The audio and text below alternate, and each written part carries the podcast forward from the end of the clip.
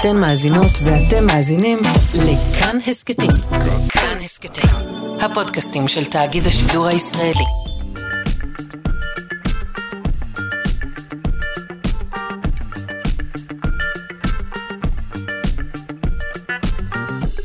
שלושה שיודעים. בוקר טוב למאזיני שלושה שיודעים, אנחנו איתכם בעוד שעתיים של אה, מדע וידע. בשעה השנייה ניפרד כאן מפרופסור שלמה אבינרי, שהלך לעולמו בשישי האחרון, ונהיה עם מחקר חדש שעומד על קשר בין המלחמה לבין סיבוכי הריון. בשעה זו להבדיל, על הקשר בין חדק הפיל לשינויי אקלים, על האפשרויות של כולנו לצמצם את צריכת הסוכר שלנו, ועוד נושאים. עורכת אלכס לויקר, מפיקה תמר בנימין, על הביצוע הטכני דימה קרנצוב, אני שרון קנטור, בואו נתחיל.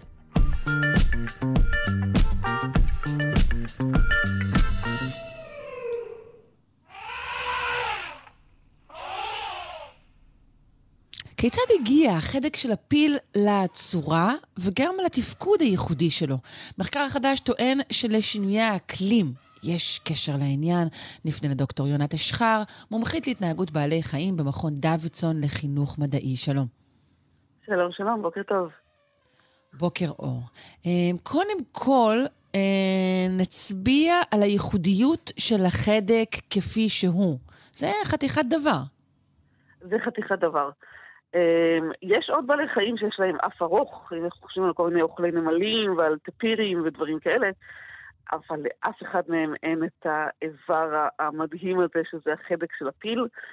אף אחד מהם לא, לא אוכל בעזרת החותם המוערך הזה, נכון? נכון, נכון. אף אחד מהם לא באמת משתמש בו בצורה כל כך גמישה וכל כך... אה, אה, הם גם אוכלים וגם שותים ומסוגלים אה, לכרוך אותו סביב צמחים, עשבים ולעקור אותם אמ, סביב אחד, השני, אחד לשני, גם אם, אם הם אה, בא להם ככה להחזיק חדק, כמו שהם עושים לפעמים.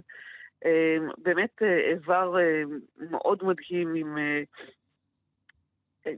יש להם מערכת שרירים מאוד ייחודית, גם עצבוב מלא של זה, מאוד מאוד מיוחד. ו... בערך באיזו תקופה אה, סבורים שהחדק הזה החל אה, להתפתח? אז אה, המחקר ש, שציינת עולה שלפני משהו כמו 15-17 מיליון שנים, היו כל מיני מינים שהתחיל, של קרובים לפילים, שנכחדו מאז, שהתחיל להיות להם חדק. אבל הוא עוד היה רחוק מה, מהאיבר המדהים כל כך הזה באמת שיש היום. היה להם אף מאוד מאוד מוערך, והייתה להם גם, ממש לכולם, לסת תחתונה מאוד מוערכת. Mm. אמ, שזה לא, לא, אה, לא משהו שיש לפילים כיום. אמ, ורגע, והחותם המוערך הזה, שכאמור נמצא גם אצל עוד חיות, הוא מה, הוא נועד לרכרוח? לא, לסוג... הוא, הוא לא? עזר לאכילה כבר, אבל הוא היה בעצם מין איבר אה, עזר ללסת המוערכת הזאת. Mm, בעצם okay. אוקיי. אה, אה, החדק היום הוא בנוי מה, אה, מהאף ומהלסת בעצם העליונה, זאת אומרת, הוא יוצא מהלסת העליונה. ומה שהיה להם שם זה אה, לסת תחתונה גם מאוד מאוד מוערכת, ממש עם העצמות והכול, mm. אה, מה שאין בחדק. והחדק שהתחיל להתפתח היה מין כלי עזר ל, ללסת הזאת. והחוקרים באמת התחקו אחרי כמה קבוצות, כמה משפחות של אה, מינים כאלה, ומצאו שאצל כל אחד מהם הלסת התחתונה הייתה, אצל כולם היא הייתה מוערכת מאוד, אבל אצל כל אחד היא הייתה בצורה קצת אחרת, שמעידה בעצם על צורות שונות של אכילה. ועל מזונות שונים. אז היו כאלה שאכלו מעצים, והיו כאלה שאכלו מעשבים, אמ, והיו כאלה שאכלו אה, ענפים, והיו כאלה שאכלו עלים ודברים כאלה. אמ, ומה שהם ראו שזה אצל אחד מהם בעצם התפתח החדק מספיק כדי שהוא יוכל ממש ללפות. כן, הם חושבים שזו הפעם הראשונה שהתפתח חדק ש, שיכול אה, ללפות, אה, ממש לכרוך את עצמו סביב דברים, כמו שאנחנו כן. רואים אצל הפילים היום. או לפחות צורה ראשונית של זה. ואז מה שהם יכלו לעשות זה, זה ללפות עשבים ולעקור אותם. וזה אפשר להם בעצם אה, לעבור לשטחים יותר פתוחים ולחיות לא ביער אלא בשטחים פתוחים, בערבות עשב. אה, ולהיזון מהעשב הזה בעצם, לאכול מהעשב הזה. וכמו שאמרת, יש פה עניין של שינוי אקלים, כי לפני משהו כמו 14 מיליון שנים, האקלים התקרר, וכשהאקלים מתקרר אה, וגם נהיה יבש יותר, בעצם נהיים פחות יערות צפופים ויותר ערבות עשב פתוחות, כמו שאנחנו רואים עד היום, ב, אה, למשל בצפון אמריקה או בצפון אסיה. ובאזורים האלה, בערבות הפתוחות, למין הספציפי הזה שהיה לו חדק מפותח יותר, שיודע ללפות עשבים, היה יתרון. ובעצם הוא עבר להסתמך יותר ויותר לא על הלסת המוערכת, אלא על החדק בלבד. ואז אנחנו רואים באמת שהלסת הולכת ונהיית קטנה יותר, בעצם נקטנת שוב, מוקטנת שוב, אה, ונהיית קטנה יותר ויותר, עד שאנחנו מגיעים לפילים של היום, שיש להם לסת די רגילה, וחדק מאוד מאוד מרשים. החבר'ה האחרים אה, שהיו להם לסתות אה, גדולות אך שונות, הם בעצם לא שרדו? אנחנו לא מכירים את בעלי החיים אה, ש... אנחנו, שהם צאצאים לא, אנחנו לא שלהם? לא מכירים אותם. לא. אה, בעצם הם לא, לא הגיעו לימינו. ומה שהם אומרים גם שלמשל, אה, יכול להיות שהעובדה שטפירים למשל, שזו חיה שיש לה אף, כאילו התחלה של חדק, אבל ממש ממש כן. התחלה. אמ, יכול להיות שהם לא פיתחו את החדק המרשים של הפילים, או שום דבר שדומה לו, בגלל שהם לא עברו את היציאה הזאת לערבות עשב, ולכן לא היו צריכים בעצם את, ה, את החדק היותר אה, יותר גמיש ומפותח. על איזה אזור אנחנו מדברים בעצם בכדור הארץ? אמ, המחקר הזה נעשה על אה, אזור אה, סין, ובאופן כללי הם היו במרכז ומזרח אסיה. ואנחנו יודעים לומר שהשינוי הזה היה רחב? הוא לא היה רק באזור שבו נערך המחקר? לא, כן, הוא היה, הוא היה מאוד רחב. אמ, ונראה שהוא, שהוא הוביל לכל מיני, גם אומרים את זה במחקר, שיש כל מיני שינויים שנעשו בתקופה הזאת, שמלווים בעצם יונקים גדולים שעברו ל- לחיות באזורים פתוחים יותר. אז אולי הדבר הכי מיוחד זה הצוואר של הג'ירפות. שגם התחיל להתארך בתקופה הזאת. אמ, ויש גם לנו גם כל מיני אנטילופות ואיילים שהתחילו לפתח אה, קרניים מאוד מאוד אה, מרשימות, שזה גם משהו שהוא קשור לחיים בערבות פתוחות, כי אנחנו גם רואים היום שאנטילופות וצבעים שחיים ביערות, אה, בדרך כלל אין להם קרניים ארוכות, שזה מאוד הגיוני, כי זה מסוכן כשאתה ביער צפוף, שיש לך קרניים mm. מאוד ארוכות, כי זה פשוט... נכון. יכול להסתבך בעצים. ולא תוכל לברוח מהטורף שלך, למשל. כן. בדיוק. יפה. אה, אז אנחנו מדברים, אמרת, על תקופה של אה, לפני, אמרת כ-17 מיליון שנים? 14-15 מיליון שנים, 14-15 מיליון שנים, וואו. אה, טוב, אני מודה לך מאוד. שמחנו מאוד לשמוע על התפתחות החדק בבוקר זה. דוקטור יונת אשחר, מומחית להתנהגות בעלי חיים במכון דוידסון לחינוך מדעי. המשך יום שקט. גם לכם, תודה רבה.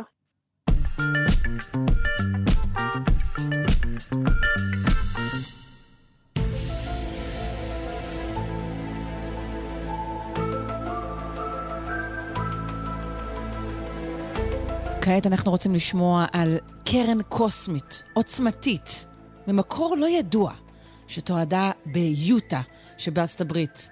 מקום אה, בו קורים דברים היסטוריים לא אחת.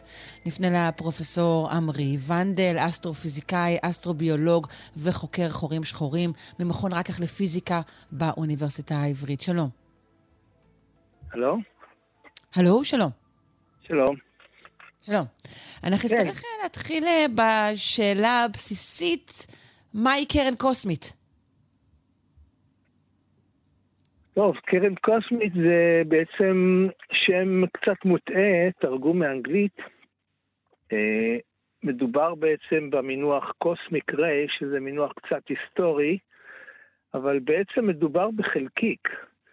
חלקיק מאוד אנרגטי, אה, יכול להיות פרוטון או אה, אפילו משהו שאנחנו עדיין לא, לא יודעים, לא בטוחים לגביו, אבל uh, משהו שהתגלה באמת לפני כמאה שנים, וזה אה, מסתבר שזה מגיע אלינו מהחלל, אפילו מהחלל העמוק, החלל הרחוק, ואנחנו יודעים למדוד את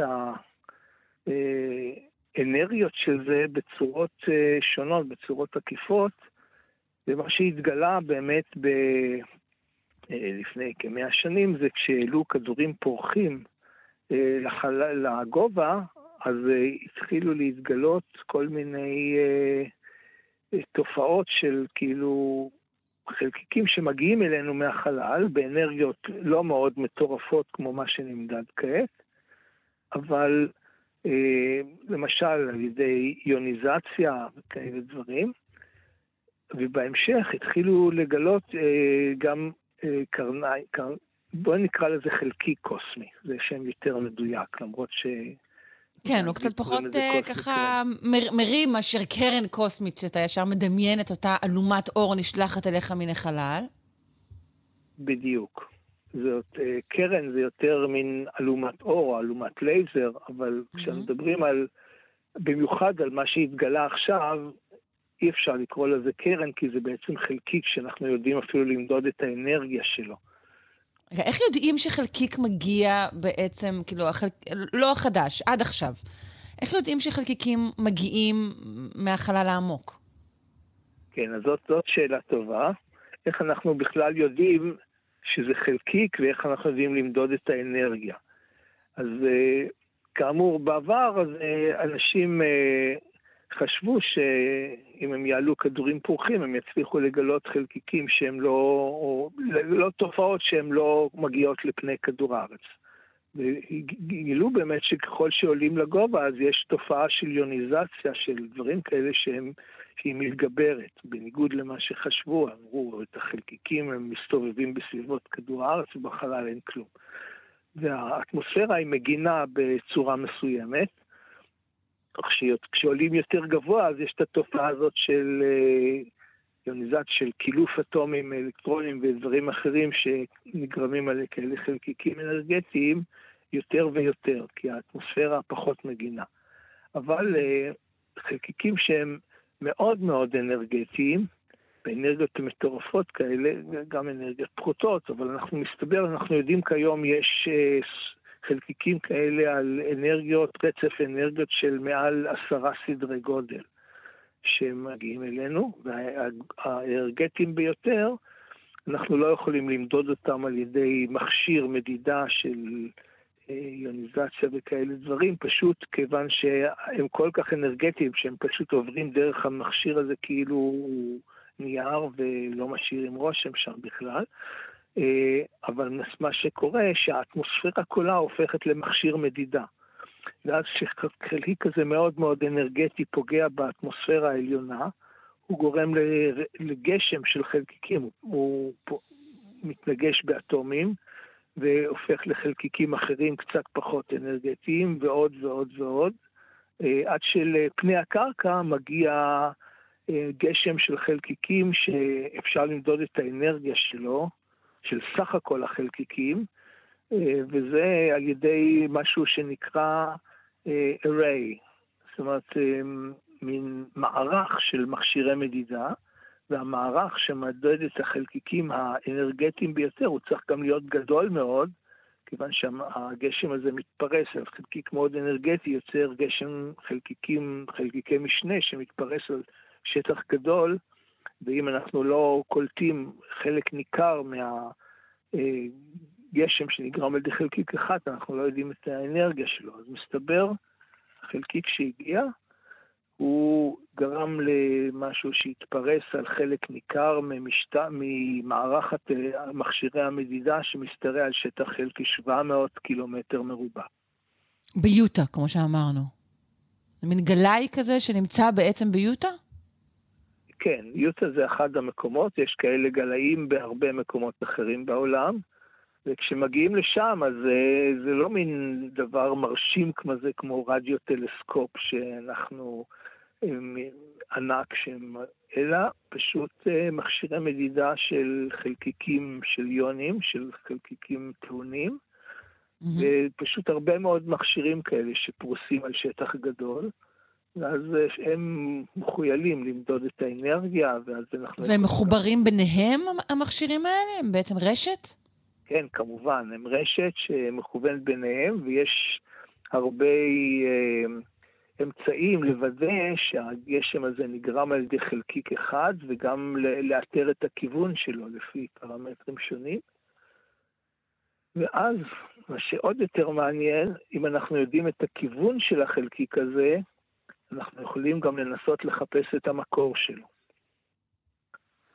אז אוקיי, כדי שנחשוב שזה בא מאותו החלקיק, צריך שהדבר הזה יקרה בעצם באותו הזמן, וש, ושיקלטו חלקיקים בערך בעוצמה דומה? אה, לא, לאו דווקא בעוצמה דומה, כי הוא מתפרס על שטח גדול ועל כל מיני סוגי חלקיקים, אז יכול להיות שיש להם... הסכום של כל האנרגיות, ברגע שזה מגיע בדיוק באותו הזמן, או ב... גם יש לזה מעבר דרך האטמוספירה, אז זה מתפרץ קצת, אז יש, אבל אה, הפרשים מאוד קטנים. אז אנחנו יודעים שזה חלקיק אחד, ואז יש אה, גם מודלים שאומרים לנו איך אם נוצר חלקיק, אם אה, חלקיק אנרגטי מאוד מאוד פוגע באטמוספירה העליונה, איך הוא גורם לחלקיקי משנה וחלקיקי משנה של משנה, ואיך זה מגיע ומתפרס על פני כדור הארץ בסופו של דבר. אז אנחנו יכולים לבנות נדבר על ה... בוא נדבר על החלקיק הזה ונסבר את האוזן עם... על איזו עוצמה מדובר. כן, אז אה, אולי קודם נדבר על אה, החלקיקים הרגילים שאנחנו מגלים אה, כל הזמן. אנחנו כל הזמן בעצם חשופים לגשם של חלקיקים באטמוספירה העליונה. ולמזלנו אנחנו חיים מתחת לשמיכה של אטמוספירה שמגינה עלינו, ורוב רוב רובם של החלקיקים הם חלקיקים בעוצ... בעוצמות של... הפיזיקאים מודדים את, את האנרגיה של החלקיקים האלה ביחידות שנקרא ג'יגה אלקטרון וולט, זאת אומרת 10 בתשיעית אלקטרון וולט. וזה החלקיקים הכי שכיחים, כי החלקיקים ככל שהם יותר אנרגטיים, הם מגיעים בפחות ופחות בצורה דרסטית, הכמות שלהם יורדת. החלקיקים השכיחים ביותר הם בסדר גודל של מאות מיליוני אלקטרון וולט או מיליארדי wow. אלקטרון וולט, והם מסתובבים גם בסביבת השמש, ואלה חלקיקים שהאנרגיה שלהם לא מספיקות כדי uh, לבוא אלינו בקו ישר מאיפה שהם מהמקור שלהם, אלא השדות המגנטיים שנמצאים בחלל, הם בעצם uh, מעקמים את המסלול שלהם בצורה כזאת שאנחנו לא יודעים מאיפה הם מגיעים אפילו. אוקיי. Okay. אבל החלקיק הזה שהגיע, החלקיק ה... בעצם השני בעוצמתו, בכמות האנרגיה שלו, שנמדד מאז ומעולם, הוא בערך אה, פי עשר בעשירית. זאת אומרת, פי עשרה מיליארד יותר אנרגטי מהחלקיקים הרגילים שאנחנו wow. אה, מקבלים. החלקיק הזה הוא כל כך אנרגטי ששדות מגנטיים לא יכולים לכופף אותו. הוא... שדות מגנטיים בעצם משנים את הכיוון של חלקיק בגלל האינטראקציה עם החלקיק הטעון, ואז גורמים לו לנוע במסלולים עקומים. אבל ככל שהאנרגיה יותר גבוהה, השדות המגנטיים פחות יכולים לעשות את זה, והחלקיק שבעוצמה הזאת, וגם בעוצמות אה, יותר נמוכות אה, במקצת, שאנחנו מקבלים לעיתים יותר קרובות, אולי פעם בשנה, פעם בחודש, חלקיקים מאוד מאוד אנרגטיים כאלה, הם מגיעים אלינו כנראה מהמקום שבו הם נוצרו, כי אפשר לחשב מה העיקום הצפוי, וחלקיקים כל כך אנרגטיים הם לא מתעקמים גם לאורך של אה, מאות ואלפי שנות אור. Mm, אז, אז אפשר לחשב את המקור. להניח שהחלקיק האלה הגיע מהמקום שבו הוא נוצר, ואנחנו יכולים לחפש מה יש שם. אבל זה טרם נעשה, כן? מה? זה, טרם נעשה. זה... אה, כבר ניסו לחפש את המקור? כמובן, כל הזמן מנסים לחפש את המקור, וזה אפשר לעשות כאמור רק בחלקיקים האנרגטיים ביותר. ומחפשים מקורות, וזה טרם, זה נעשה כל הזמן, אבל טרם נמצא. יש השערה mm. אחת שחלקיקים אנרגטיים, איך הם נוצרים בכלל? אז החלקיקים באנרגיות בינוניות ואפילו מעל בינוניות, אנחנו משערים שהם נוצרים על ידי האצה בסופרנובות. יש כן, התפוצצויות גדולות, לא בשעת ההתפוצצות עצמה, אבל ברגע שהסופרנובות יוצרות אה, גלי הלם, על שפת גלי ההלם האלה כל הזמן אה, יש מנגנון שמאיץ חלקיקים. אבל זה יכול להגיע רק לאנרגיות שהן בערך מיליונית מהאנרגיה של החלקיקים האלה. ואיך נוצרים חלקיקים יותר אנרגטיים, אז יש תיאוריות אחרות וכולי, יש תיאוריות שהם נוצרים, מואצים בגלי הלם של גלקסיות שלמות, או אולי במרכזי גלקסיות עם חורים שחורים, אבל עדיין לא מגיעים לאנרגיות של החלקיק הזה, ואפילו מתקרב אליו. ואז אנחנו לא יודעים בעצם מה יוצר חלקיק באנרגיות כל כך גבוהות, אין לנו תיאוריות. וכשאנחנו מנסים לחפש את המקום שממנו הם הגיעו, פשוט על ידי המשך, המשך ישיר של המסלול, של מה שכנראה פגע באטמוספירה העליונה, שאנחנו יודעים לעשות את זה בגלל שיש לנו מערך של גלאים, אנחנו לא מוצאים שם כלום. למעשה החלקיק שהגיע עכשיו, אה, אנחנו מוצאים שם חלל ריק. זאת אומרת, יש אזור ביקום, אזורים ביקום שהם ריקים כמעט מגלקסיות. שנקראים בשם, באנגלית בשם void, או נקרא לו... אז זה אומר כנראה שהחישוב הוא לא נכון, כי החלקיק לא הגיע יש מאין, אנחנו רוצים להאמין. לא, הוא לא, הוא לא ריק לגמרי. יש אזורים שבהם יש פחות, הרבה פחות גלקסיות מאשר באזורים אחרים, כי הגלקסיות mm-hmm. ביקום הגדול הם לא, הם ככה קצת כמו ספוג. לא צפופות, יש כן. יש אזורים שהם יחסית ריקים. ומאחר שאנחנו גם לא יודעים מה יצר אותו, וגם לא יכולים להצביע על איזה עצם מסוים שמהכיוון שלו בדיוק הוא הגיע, אז באמת זאת אה, תעלומה גדולה. תגיד, באיזושהי צורה אה, זו אנרגיה שנוכל בעתיד אולי לרתום לצרכנו, כמויות האנרגיה האלה? לא, אז זה, זה ממש, אה, ממש לא, בגלל שני דברים. אה, קודם כל בגלל שהאנרגיה היא כל כך גבוהה, אז אה, לתפוס חלקיק אחד כזה אי אפשר, ולתפוס את הגשם של חלקיקי משנה שלו, זה בתיאוריה אולי אפשר, אבל, הוא מגיע באופן כל כך נדיר, אה, אפשר לדבר על ספקטרום, כאילו על התפלגות החלקיקים לפי האנרגיות שלהם. ואם אנחנו, כאמור, באנרגיות יותר גבוהות, מגיעות מגיעים פחות חלקיקים, אבל אנחנו יודעים היטב את ההתפלגות הזאת של כל החלקיקים הקוסמיים האלה, וככל שהאנרגיה יותר גבוהה, מספר החלקיקים יורד כמו האנרגיה בחזקת שלוש וחצי. זאת אומרת שאם מכפילים את מספר החלקיקים באנרגיה, האנרגיה שיש בחלקיקים היותר ויותר אנרגטיים היא יותר ויותר קטנה בצורה כמו האנרגיה במינוס שתיים או משהו כזה. אז זה ממש כמות קטנטנה של אנרגיה, זה מעניין רק את הפיזיקאים בשביל שמנסים לפענח את סודות היקום. אוקיי, okay, אבל זה גם עניין אותנו, אז אני מודה לך מאוד, פרופסור עמרי ונדל, אסטרופיזיקאי, אסטרוביולוג וחוקר חורים שחורים במכון רקח לפיזיקה באוניברסיטה העברית. תודה. היה נעים כרגיל. תודה רבה.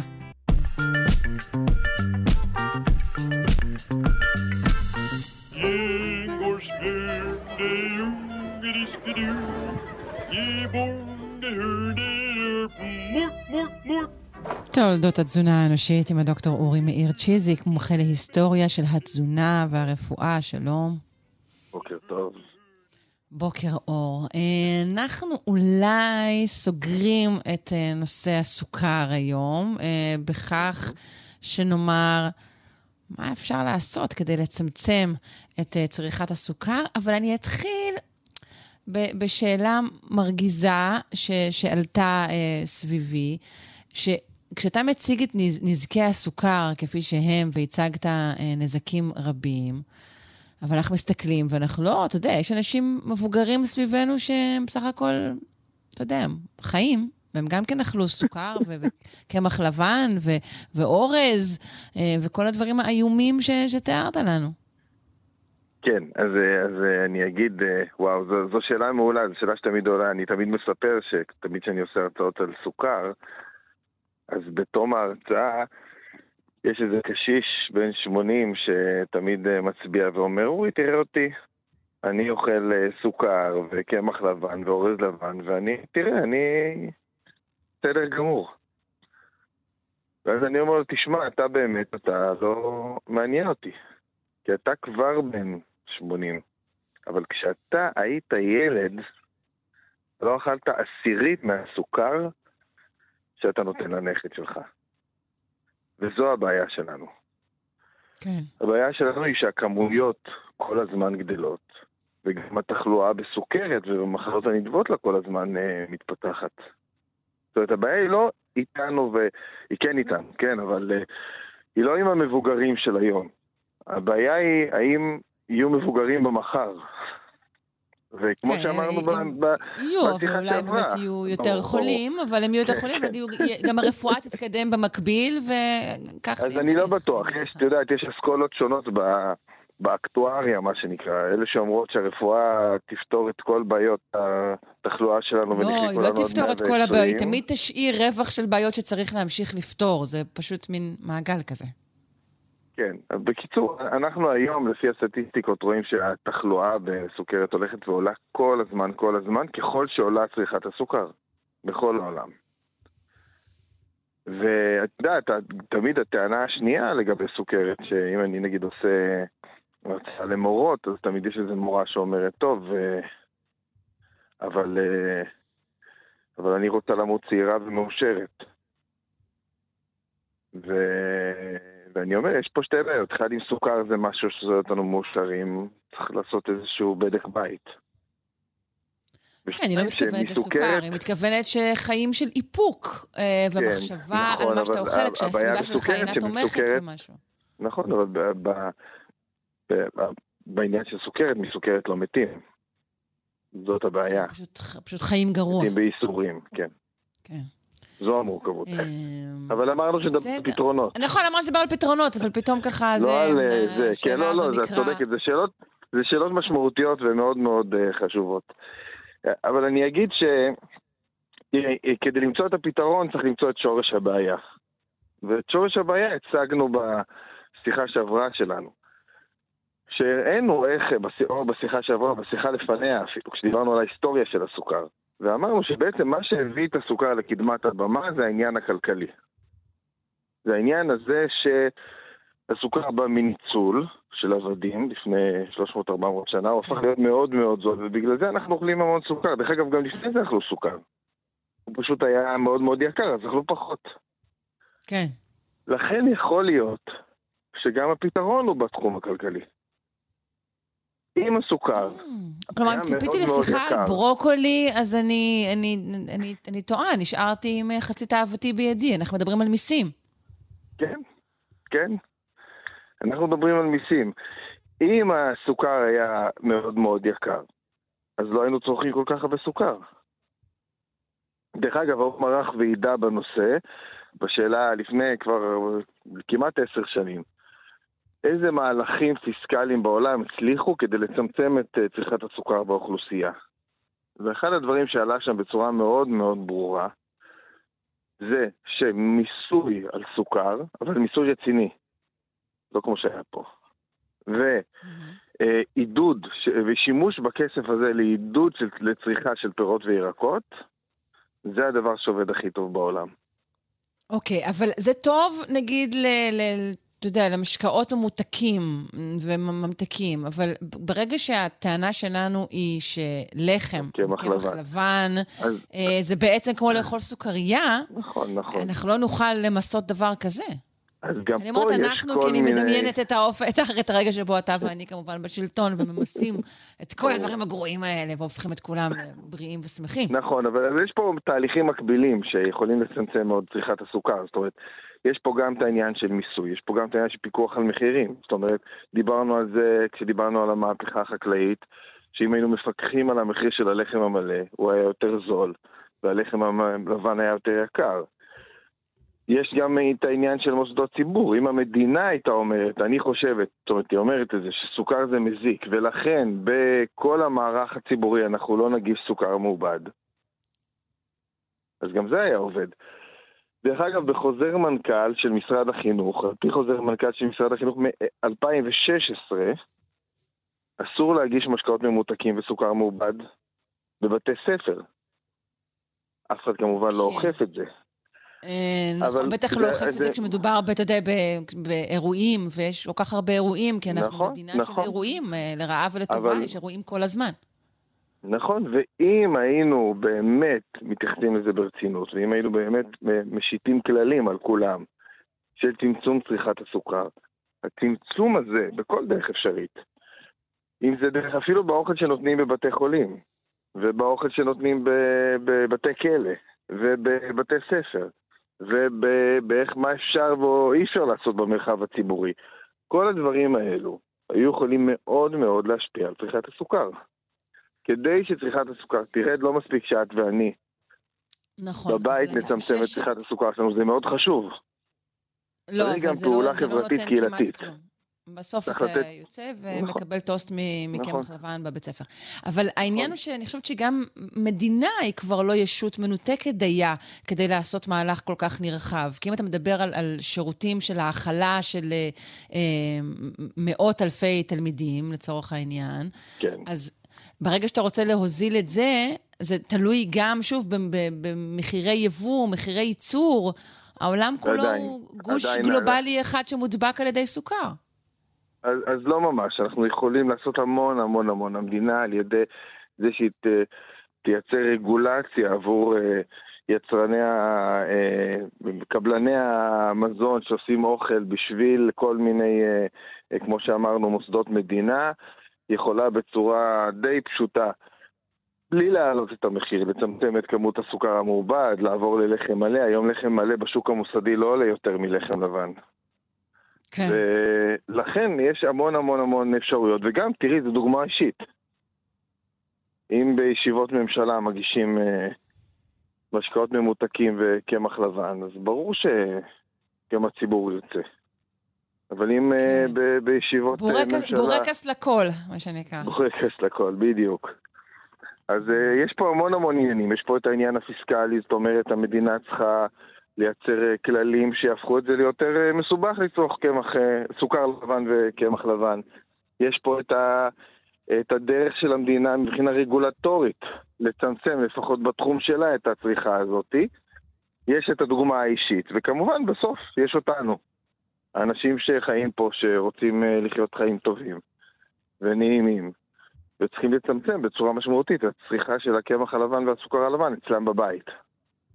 כן. אה, אני ברור לי שזה קשה. בישראל הכיוון הוא הפוך, כן? זה אתה יודע. אני יודע שכיוון הוא הפוך, אבל את יודעת, לפעמים יש איזה הבלחות של אור, כמו שהייתה לרגע עם המס על הסוכר, ואני מקווה שהם יחזרו בגדול. כך לפחות אני מקווה. נקווה. אם לא הייתי אה, אופטימי, כן, לא- אה, אולי לא צריך לי להגיד בעזרת. השם בשלב הזה, ואז זה יקרה. נכון, בעזרת נכון. השם. אני אה, אופטימי, אני אדם אופטימי בטבעי. יופי, אני שמחה לשמוע, צריך מישהו אופטימי כאן באזור. בסדר, אז בשבוע הבא אולי ניפרד מהסוכר ונעבור למשהו אחר. כן, נעבור למשהו חדש. יופי. טוב, אני מאוד חדש. מאוד מודה לך על הסדרה אה, מאירת העיניים ומעציבת החייך הזו בסך הכל. דוקטור אורי מאיר צ'יזיק, מומחה להיסטוריה של התזונה והרפואה. תודה רבה. תודה רבה.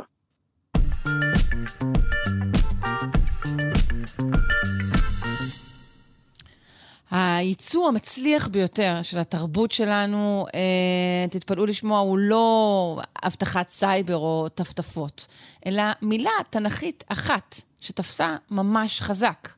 המילה הזו היא הללויה, ואנחנו רוצים אה, לשוחח כעת, וגם כמובן לשמוע אה, על, אה, כיצד כבשה המילה האחת הזו את כל תרבויות המוסיקה בכל התקופות, אה, ונפנה לאחד שיכול להעביר אותנו במסע הזה, זהו פרופסור משה זורמן, מלחין, מנצח ומייסד הקתדרה למוסיקה, בשיתוף הדוקטור אסטרית בלצן. שלום. שלום, בוקר טוב.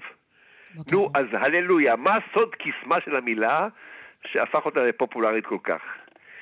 היא בעצם מורכבת משני, משני מילים כמובן, מהללו ויהללו את אדוני. מופיעה בתנ"ך בפרקי תהילים, תרק.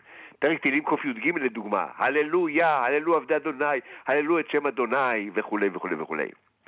ואיך קרה שהמילה נכנסה גם לתפילות הגויים, והיא חלק משמעותי מכל תפילה בכנסייה הנוצרית.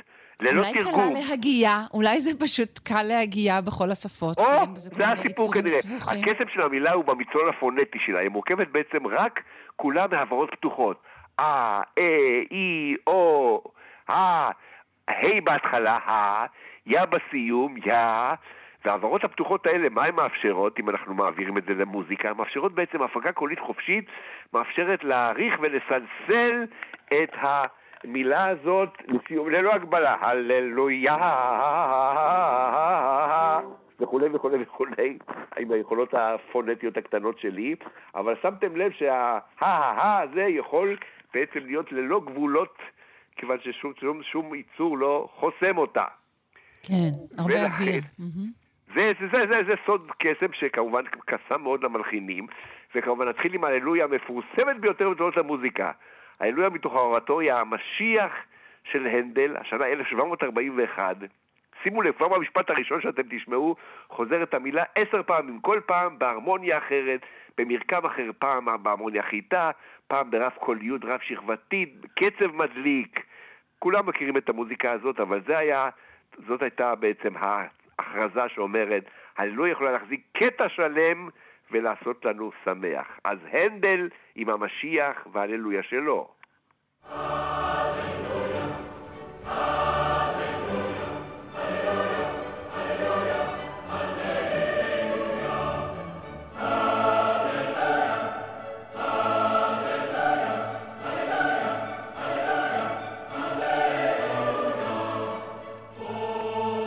איזה להיט, וואו. נכון? כן, מדהים שמישהו ממש כתב, בן אדם כתב את הדבר הזה. לא רק שכתב, אלא כבש ככה את אנגליה ואת העולם כולו. כי עד אז הוא. כתב אופרות באיטלקית, לאף אחד לא עניין אחר כך אחרי שלב מסוים. הוא אמר, וואו, אני עובר לאורטוריה, ונראה להם איך המשיח, המשיח שלהם כמובן, זה ישו, לא, לא דיבר על המשיח שלנו, אבל המשיח יכול להיות מוזיקה הכי מדליקה בעולם, וזהו, הפך להיות אה, יקיר הממלכה, מה שקרוי. כן, זה מחזיק לנצח הדבר הזה, זה יכול להחזיק אה, אצטדיונים של כדורגל, זה טירוף. בדיוק, וכל מקהלה הגדולה שמכבדת את עצמה כמובן שרה את הללויה ומרגישה שהיא בשמיים. אבל זה הגויים. אני רוצה שנחזור לתרבות שלנו. התרבות הישראלית לכל אורך הדרך. משתמשת בהללויה. אני כבר מצאתי ב-1936, התפרסם איזה שירון שנקרא שירת עמי, ובה יש להללויה לחן חסידי בכלל, עוד לא הלחינו אותה, שנשמעת ככה, כל חניכי תנועות הנוער, בסוף פעולה, לפני שבת, היו שרים הללויה, הללויה. הללויה, בוודאי. בצלצלי שמה, הללויה, הללויה, בצלצלי תרועה, כל הנשמה תהלליה, ההללויה בחדווה רבה, וזה שיר כבר. הפך להיות חלק מאיזושהי מסורת, ככה שמעתי בתנועות נוער בשנים האלה שלפני קום המדינה. אבל בואו נעבור, מיד אחרי מלחמת ששת הימים, שרה להקת הנחל את הללויה של יאיר רוזנבלום. אם ברובים כבר לא היה צורך, היינו שרים אז הללויה. אם בו שלום, הייתם רואים איך כל הצבא שר הללויה. והקצב הכי מדליק. לילה, לילה, לילה, לילה, לילה, לילה, לילה, לילה, לילה, לילה, לילה, לילה, הללויה. וואו, כל העם שר איתם ביחד. כן. יואו, איזה שיר מרים זה, וואו. זה מקצב מדליק, כיוון שזה מקצב של שמונה, 1, 2, 3, 1, 2, 3, 1, 2, 1, 2, 3, 1, 2, 3, 1, 2, זה מין כזה טיפה עם נטייה כזאת אה, יוונית או מה, אבל כבש אותנו. אז להקת הנחל 1967 שרה לנו את יאיר רוזנבלום, גם מילים וגם מוזיקה, זה באופן נדיר שהוא כתב גם את המילים וגם את המוזיקה. להקת הנחל 1967, הללויה!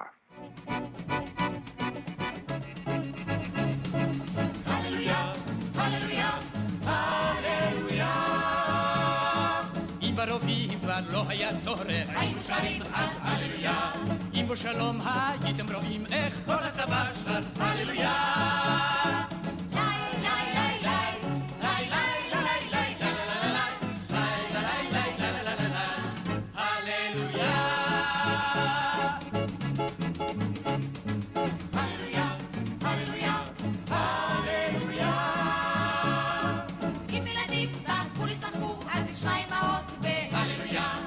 זה באמת יווני כזה, טיפה אריסן, אבל עם איזה שינוי ככה, נכון. אריסן, כי גם כן.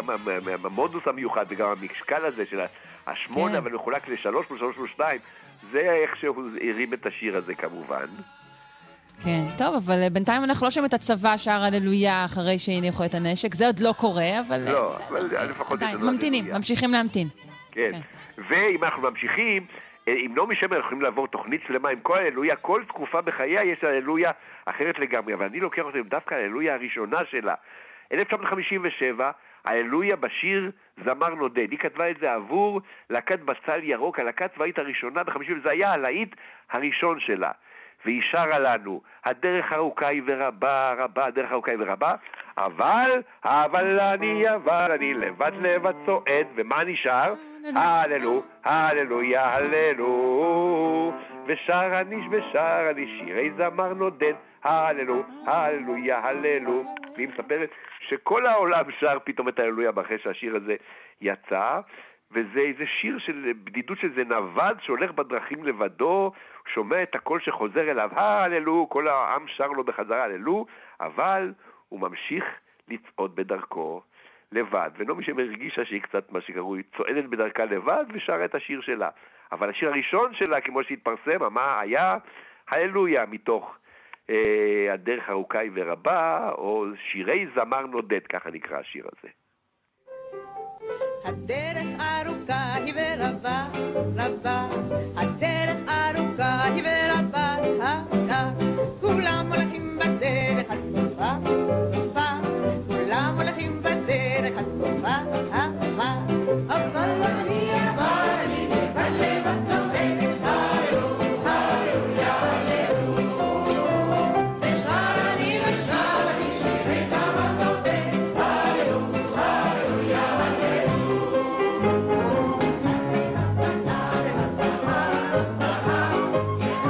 זה אזור כזה שלא אין את המילים, אני שומעת, אנשים כבר מהמהמים. בדיוק. זה אוקיי. כזה כיף, וזה באמת, כל, כל הללויה, באמת יש לי תוכנית שלמה שההללויה נעמי שמר, כל פעם היא הולכת, בסוף יש כמובן, יש לי יום יום חג, יש לי חג יום יום, יש לי יום יום חג, הללויה, שהיא כתבה לא, עבור הגשש החיוור, אבל זה הרבה מאוד שנים כן. אחר כך. גם כן שיר נהדר. כן. אבל אז כמובן, מי אם לא המילה הללויה ייצגה אותנו באירוויזיון של 1979 והביאה לנו דוז פואה. ההללויה של שמרית אור כמובן וקובי אושרת, ביצוע גלי עטרי ולהקת חלב ודבש. מי אם לא, מי לא, לא זוכר את הללויה לעולם, הללויה שירו כולם. עם חצוצרות, ובסוף יש איזה פעמונים גדולים וכולי. הללויה לעולם. כבש את כל העולם. יש כמובן כמה פטנטים שנלמד בזמנו. אני אפילו מרגיש קרבה אישית לשיר את זה, כי אני הייתי הפסנתרן שניגן את זה באירוויזיון, זה כבר שנים שהייתי מעורב בעניין. כן, אני הייתי הפסנתרן, אני שומע את... מה? אני שומע, די. וואו, זה אני עם הפסנתר. זה, ככה אני כובש את באמת? ליבם של כל תלמידה, אני אומר להם, עזבו את כל הסימפוניות וה- והמקהלות הגדולות שכתבתי, אני האיש שניגן, וכולם מיד, מה שקרוי, שוכבים לרגליי אה, עמומים. תשמע, כי זה פשוט, אבל דווקא, אתה יודע, בפשטות כזאת צריך לש- לשמור בדיוק או. על הגרוב, על הקצב, זה אני זה לא מספר פשוט. לכולם כמה זה מיוחד לדעת לעשות one, two, one, two, מדויק בדיוק. ואחיד עם איזו עוצמה. נכון. זהו, זה אלסטון ג'ון, זה אלסטון ג'ון ומשה דונמן, זה היחידים שיכולים לעשות את זה. אז בואו נשמע את להקת חלב ודבש, שרים את הללויה.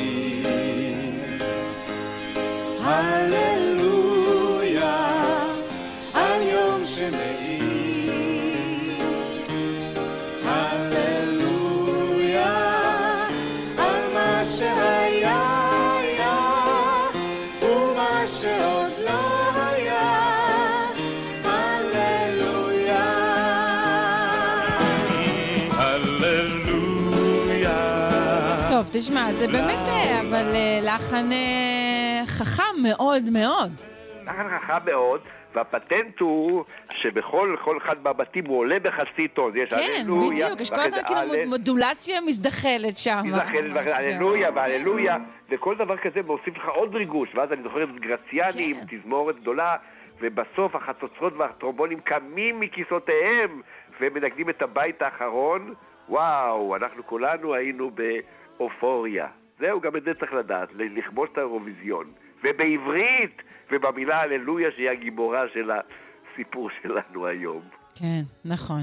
וואו. לאן נמשיך מכאן?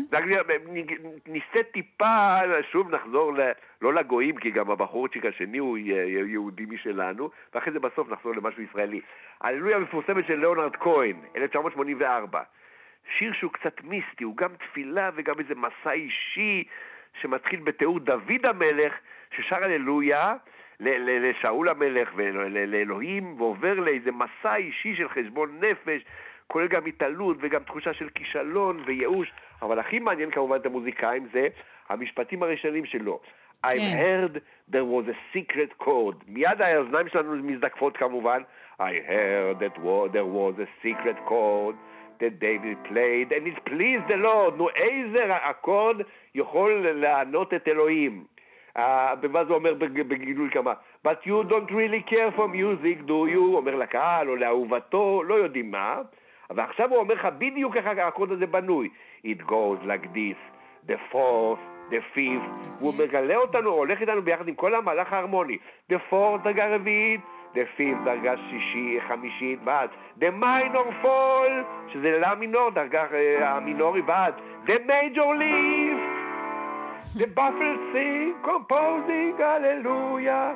ממש, אתה יכול לעקוב אחרי המהלך ההרמוני מילה במילה עם, עם ההוראות של אה, ליאונרד כהן, וכמובן בסוף הללויה, הללויה, שכל העולם שר. אז זהו, שיר נורא זה מיוחד. מדהים שזה, כן, שזה כאילו, זה קלאסיקה כל כך משוגעת שהיא מ-84, איכשהו בדמיון שלי היא ותיקה הרבה יותר. כן, אה? זהו, כן. ומאז יש כל כך, בעצם כשהוא פרסם את זה, זה עוד לא הצליח כל כך, כי גם החברות תקליטים לא אמרו, תעזוב אותנו, זה, לא, זה מסובך מדי. רק אחרי שכל מיני זמרים גדולים שרו את זה, התחילו Mm. להבין שיש בזה משהו, וחזרו לביצוע של נורדה כהן, שאותו נשמע עכשיו באיזה הופעה פומבית. Now I've heard there was a secret chord that David played and it pleased the Lord. But you don't really care for music, do you?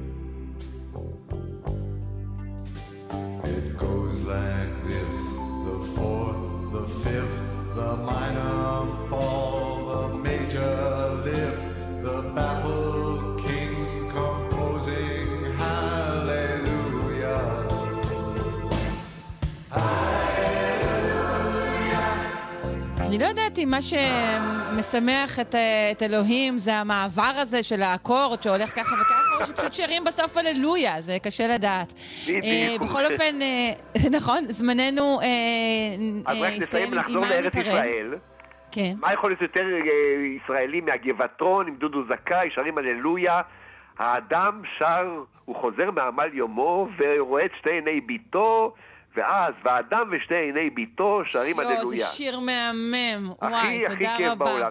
שיר של. אנשים שזה השיר כמעט היחיד שלהם, יעקב גלעד ומני גל, שאני לא מכיר, אבל כתבו שיר נהדר.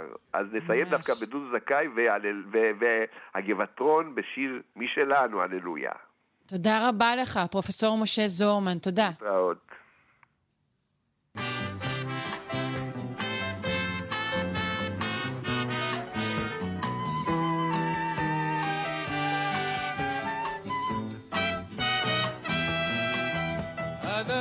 חוזר וקציר יומו, צנוע הוא ודק, ועל גבו צרות החול, עומסות לו כמגדל, ולפניו רואה פתאום את שתי עיניה של ביתו, והוא אז שר והן איתו, שרו הללויה.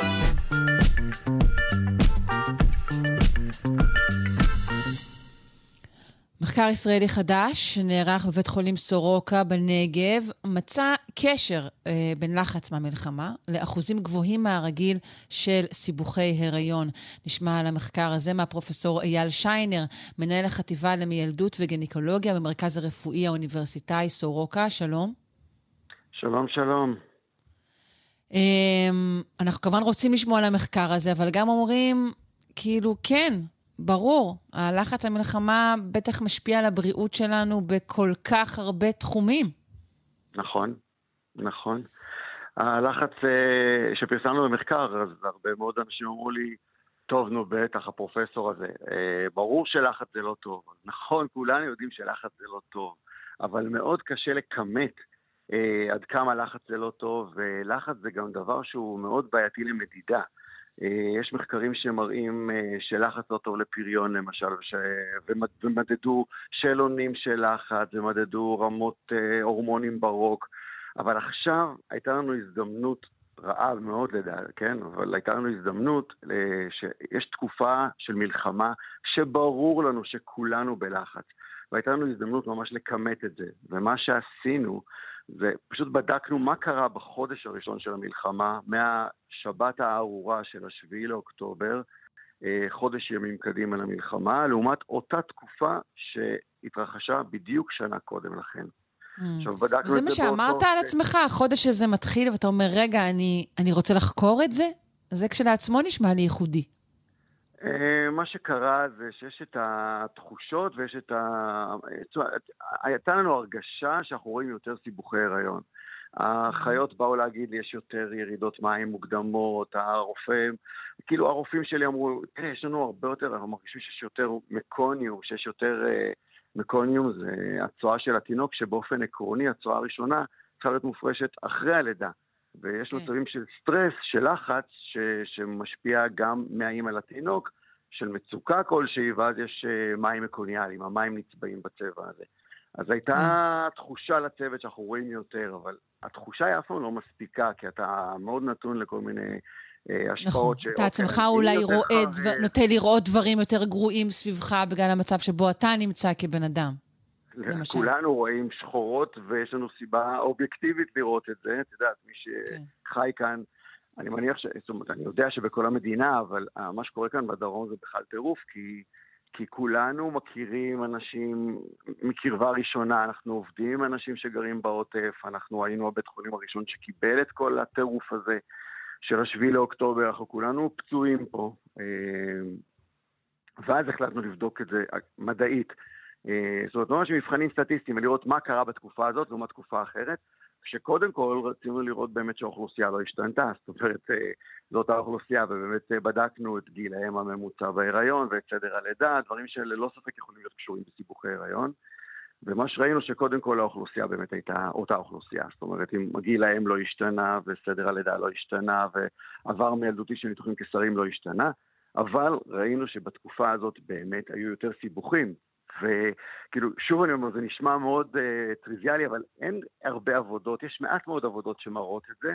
דרך אגב, יש עבודה שלנו על מלחמת, על צוק איתן, שהייתה, לא הגדירו אותה ממש כמלחמה, ומסתבר שהיא הייתה הרבה יותר קצרה, לימים.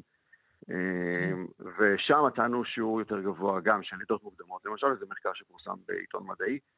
עכשיו אנחנו בדקנו uh, מצבים אקוטיים uh, שיכולים uh, להיות קשורים לסטרס, ומצאנו שבתקופה הזאת היה קודם כל שיעור של פי ארבע גבוה יותר של מקוניום, של מים מקוניאליים, שזה איזשהו מדד סטרס שעובר מהאם על התינוק.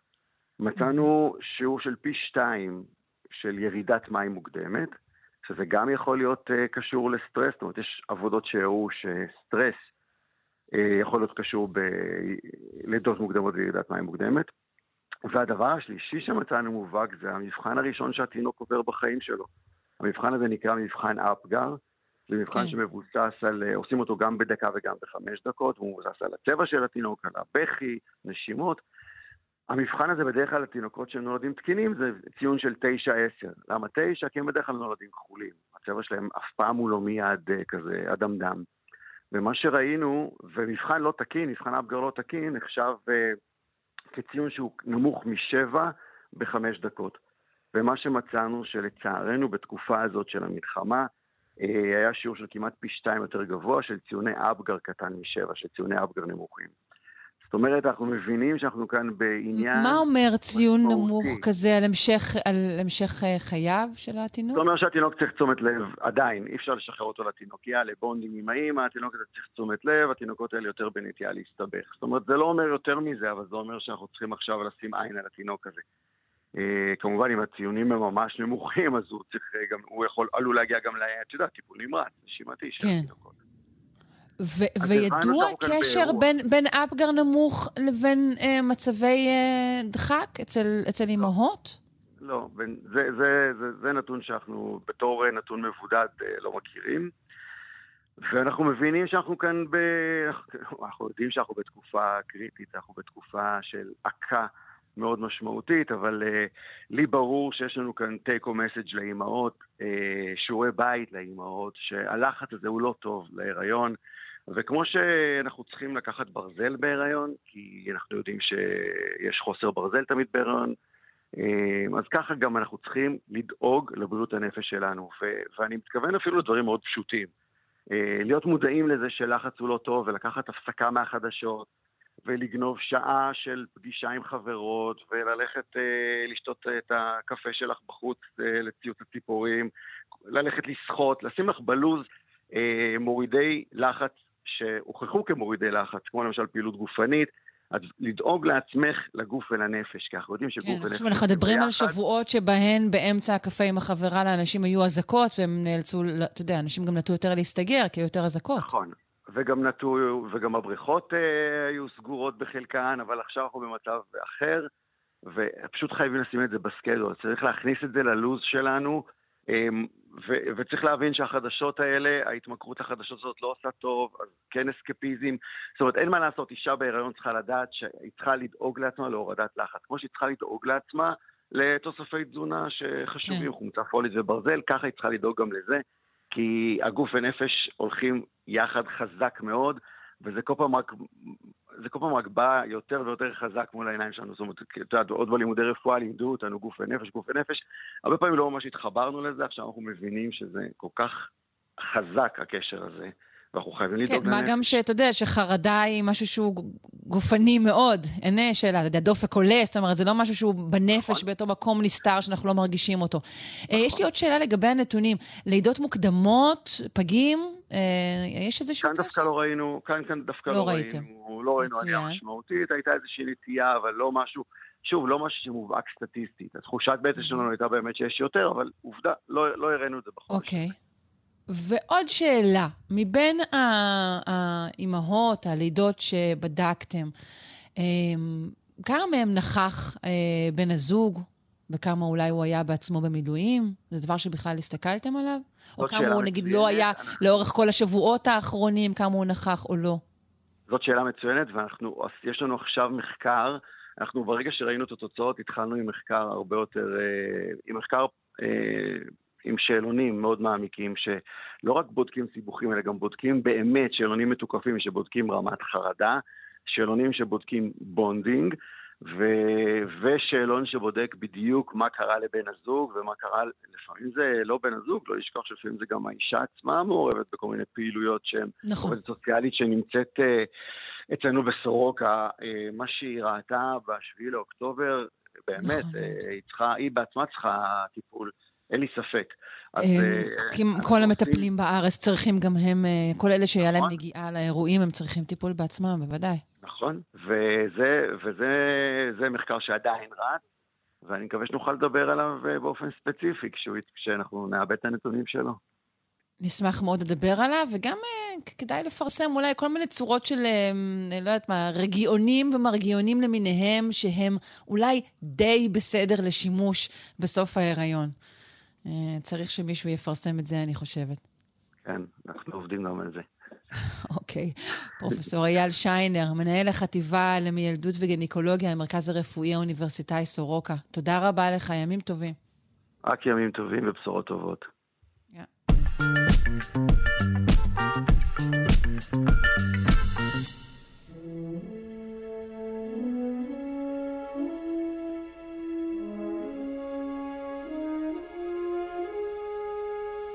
חוקרים גילו שיטה חדשה אה, שמאפשרת לחזות מתי המחזור הסולארי של השמש אמור להגיע לשיאו. לפי המחקר הזה, שיא הפעילות הסולארית במחזור הנוכחי אמור להתרחש ב-2024. אה, בתוך כשנה מעכשיו.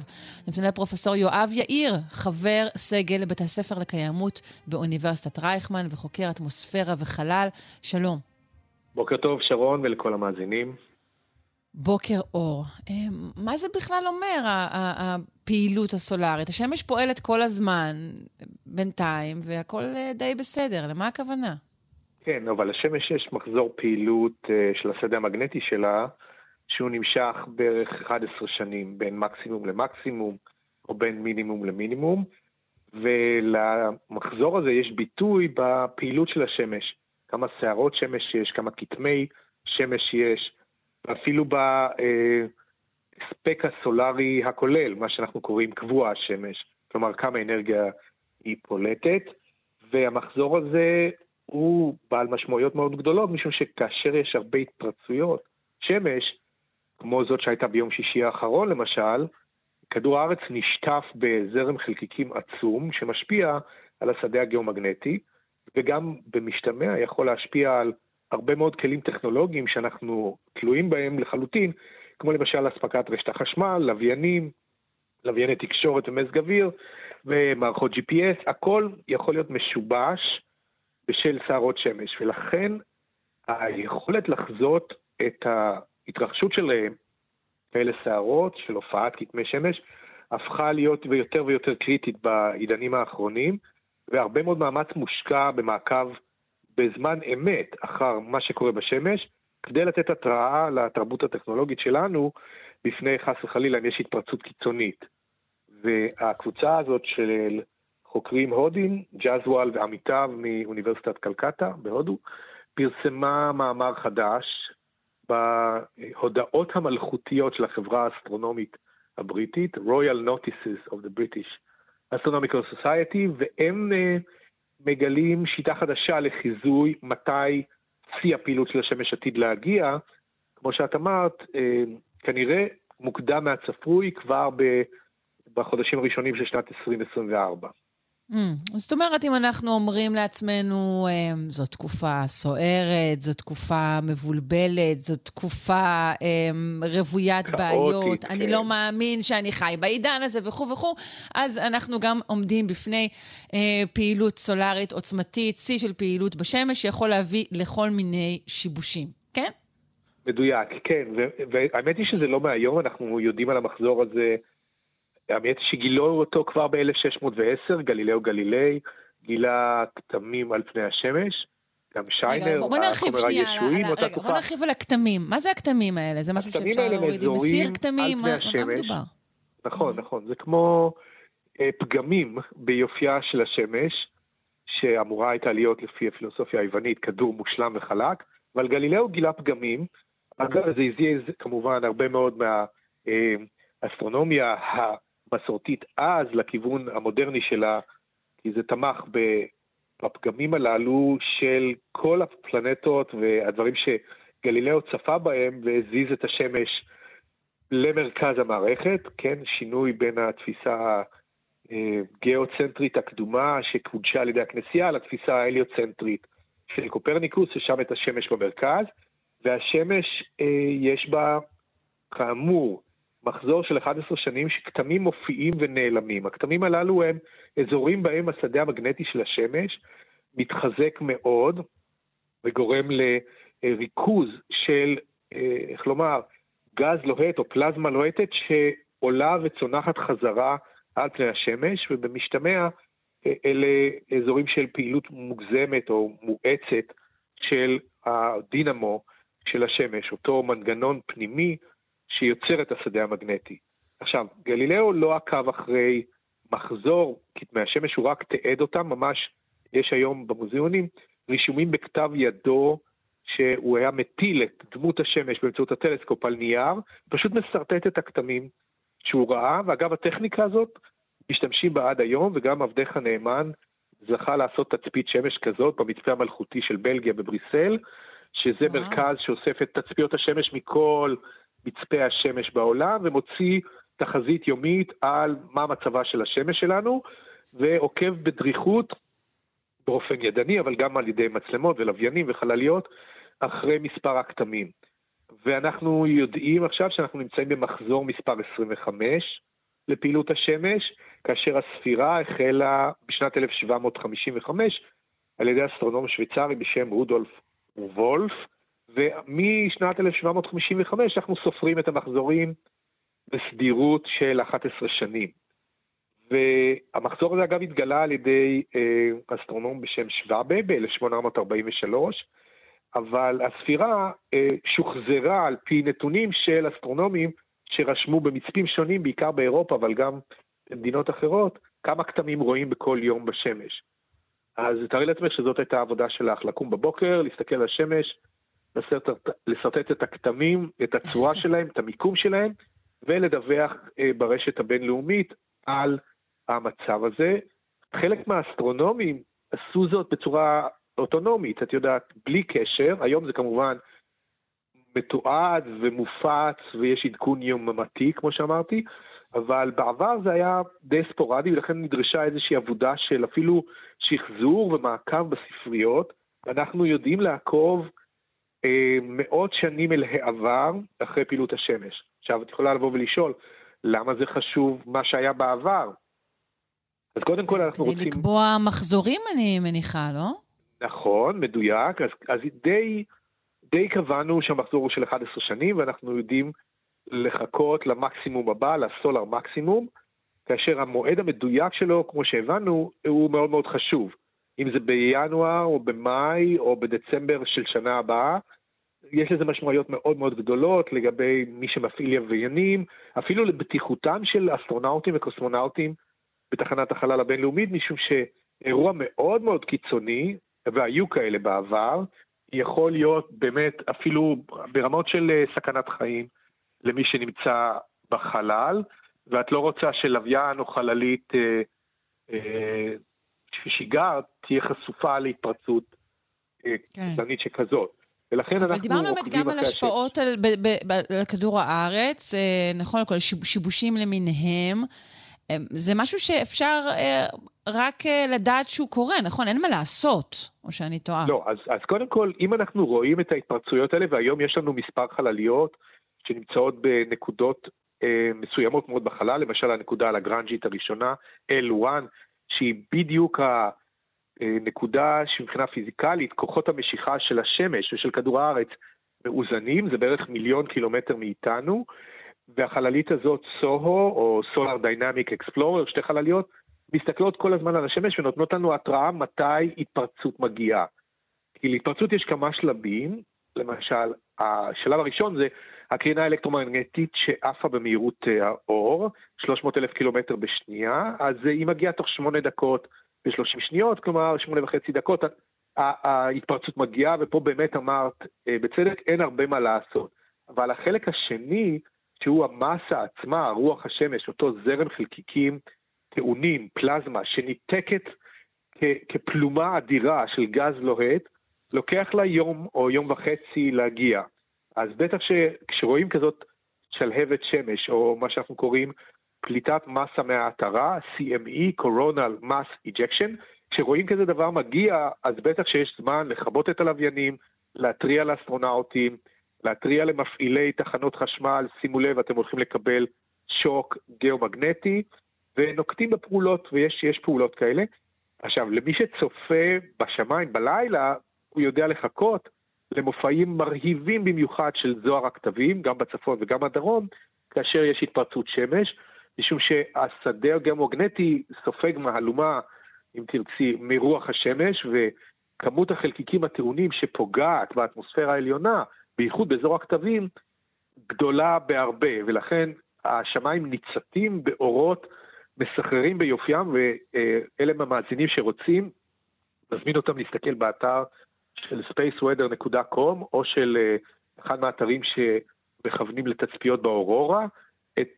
באמת בליל שישי הייתה אורורה או זוהר הכתבים מדהים ביופיו, בגווני אדום, ירוק וסגול, וראו את זה עד קו הרוחב של מדינת מישיגן בארצות הברית, ואפילו באירופה, בדרום סקנדינביה, בלונדון. כלומר, בימים של סערות שמש עזות, ה-upside, כן, הדבר הנחמד שאנחנו מקבלים, זה, זה מופעים מרהיבים של האורורה, של זוהר הכתבים, אבל הדאונסייד זה כמובן סכנת נזק למערכות טכנולוגיות. בסדר, אני לא יודעת מה, מה טוב, מה גרוע, הכל מעורבב. אה, תודה רבה לך, פרופ' יואב יאיר, חבר סגל בית הספר לקיימות באוניברסיטת רייכמן וחוקר אטמוספירה וחלל. אה, תודה על השיחה הזו. להתראות. כן, כן, להתראות. Música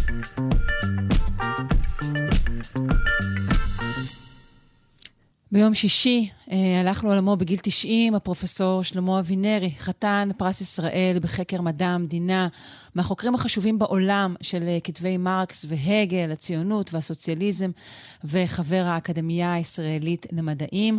אנחנו מבקשים להקדיש את הדקות הקרובות אה, לשיחה, כמובן, אה, קצרה, רחוקה, רחוקה מלהיות ממצה אה, על פועלו. אה, נפנה לפרופסור אבנר דשליט מהחוג למדע המדינה באוניברסיטה העברית. שלום. בוקר טוב, שלום. בוקר טוב, תודה רבה שהסכמת לדבר איתנו בבוקר זה. Uh, אני חושבת שהשאלה הראשונה שאני ארצה לשאול אותך, בסך הכל, באמת כמו, ש, כמו שאמרתי, uh, uh, אבינרי כתב על, על מרקס ועל הגל, וזה לא הוגים שלא עסקו בהם קודם. איפה היה החידוש הגדול שלו שהפך אותו לשם דבר בארץ ובעולם? אז את, את פותחת נכון, ו, וגם הוא פותח את הספר שלו על הגל באיזו התנצלות כזאת, שעוד, הנה עוד ספר על, על הגל, כיוון שכל כך הרבה נכתב. אבל באמת, צריך להגיד שהחידוש שלו, גם לגבי ההורגים האלה וגם לגבי ההורגים הציונים, אם אחר כך תרצי לדבר עליהם, הוא, הוא מדהים, ו, והוא פשוט משנה את כיוון המחקר. אז, אז אם אני אתחיל בספר היותר מוקדם, שזה על קרל מרקס, אז עד, עד הספר של אבינרי, החוקרים של מרקס מתמקדים בכתיבה הכלכלית של מרקס, ומרקס נתפס בעצם כהוגה דעות כלכלי, בעיקר בגלל הספר הקפיטל, שיצא ב-1867, והוא בעצם ניתוח של הכלכלה הקפיטליסטית. וראו במרקס את המבקר החריף של הכלכלה הקפיטליסטית, וכל הדברים האחרים שלו נחשבו לפחות uh, בשלים. ודווקא אבינרי כן. הלך וחקר את כל הכתבים המוקדמים, מה שהוא קרא כתבי שחרות. כתבי השחרות. נכון, שזה שנות ה-40 וככה, לשאלת היהודים, uh, על העבודה השכירה, uh, הכתב, החיבור של מרקס על האידיאולוגיה הגרמנית. ואבינרי מראה שבמרקס יש איזה הומניסט uh, נורא גדול. זאת אומרת, זה לא איזה מין אדם שמנתח בצורה רציונלית את, ה, את התנועות הכלכליות שקורות בקפיטליזם וכולי. יש פה אדם שמסתכל על הכלכלה מבעד למשקפיים של מה זה להיות בן אדם.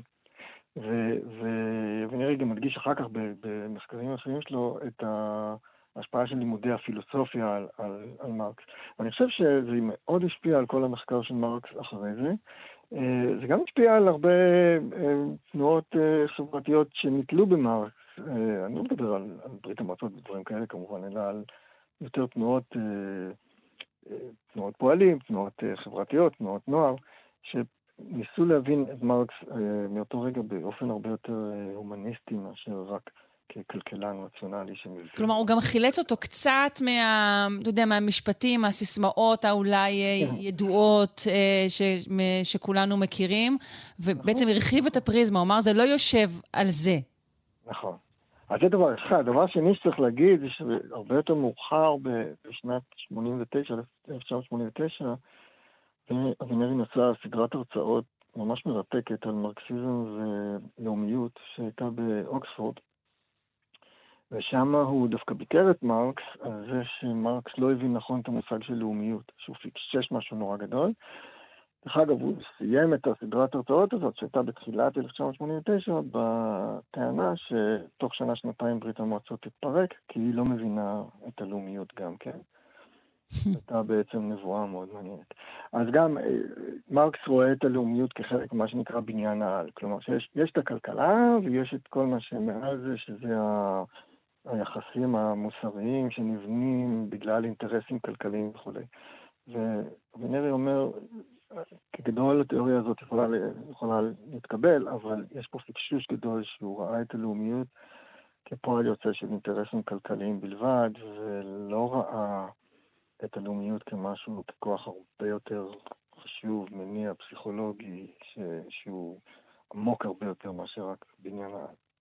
אז זה לגבי, אה, זה לגבי מרקס. לגבי הגל, גם יש חידוש נורא מעניין, כי, כי עד, עד הספר של אבינר הגל, העולם תפס את הגל כ, כמישהו שמאדיר את המדינה בצורה מאוד קיצונית, ובעצם אפילו חשבו שהייתה להגל השפעה על, ה, על הנאצים ו, וכך הלאה.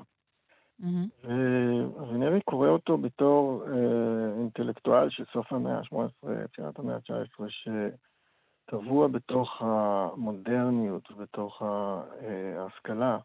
הוא מתחיל את הספר שלו על הגל בסיפור נורא יפה, שהוא גם לצערי רלוונטי למה שקורה לנו היום, שהגל בנאום ה...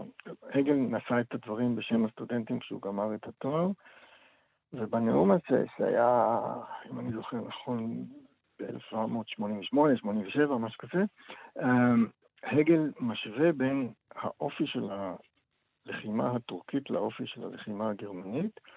ואז הטורקים, הלוחמים הטורקים נחשבו מאוד ברברים ומאוד אכזריים ועושים דברים שלא ייעשו. והגל אומר, זה לא בגלל אופי של עם, אין דבר כזה שאנשים נולדים עם אופי רע, זה בגלל חינוך שהם קיבלו, וזה מה שמראה את החשיבות של החינוך. הצבא המודרני צריך לפעול לאור ערכים ש, שמחנכים אותו וכולי. אז אה, בעצם אבינרי בוחר להתחיל את הספר על הגל בסיפור הזה, כי הוא רוצה להראות את הגל כפלורליסט, ליברל, אדם שמחפש, הוגה שמחפש בואי נגיד, את האיזון בין האדם הכלכלי לאדם החברתי. כן, ש... גם כאדם הוא... שמלא אמונה ב- ב- בחינוך, במודרנה. בדיוק, בדיוק.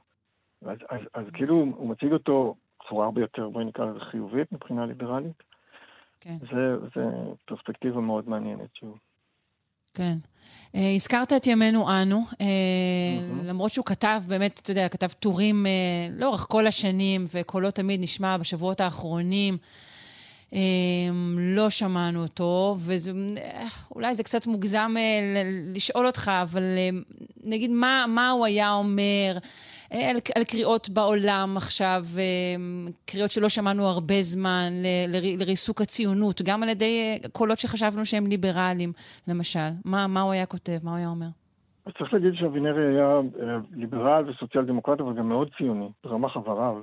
נכון, בדיוק. את הציונות, הוא גם, גם כל הזמן הדגיש שאנחנו מתייחסים נורא לפלסטינים, אבל הפלסטינים צריכים להבין שהם, שהם טעו ב-48.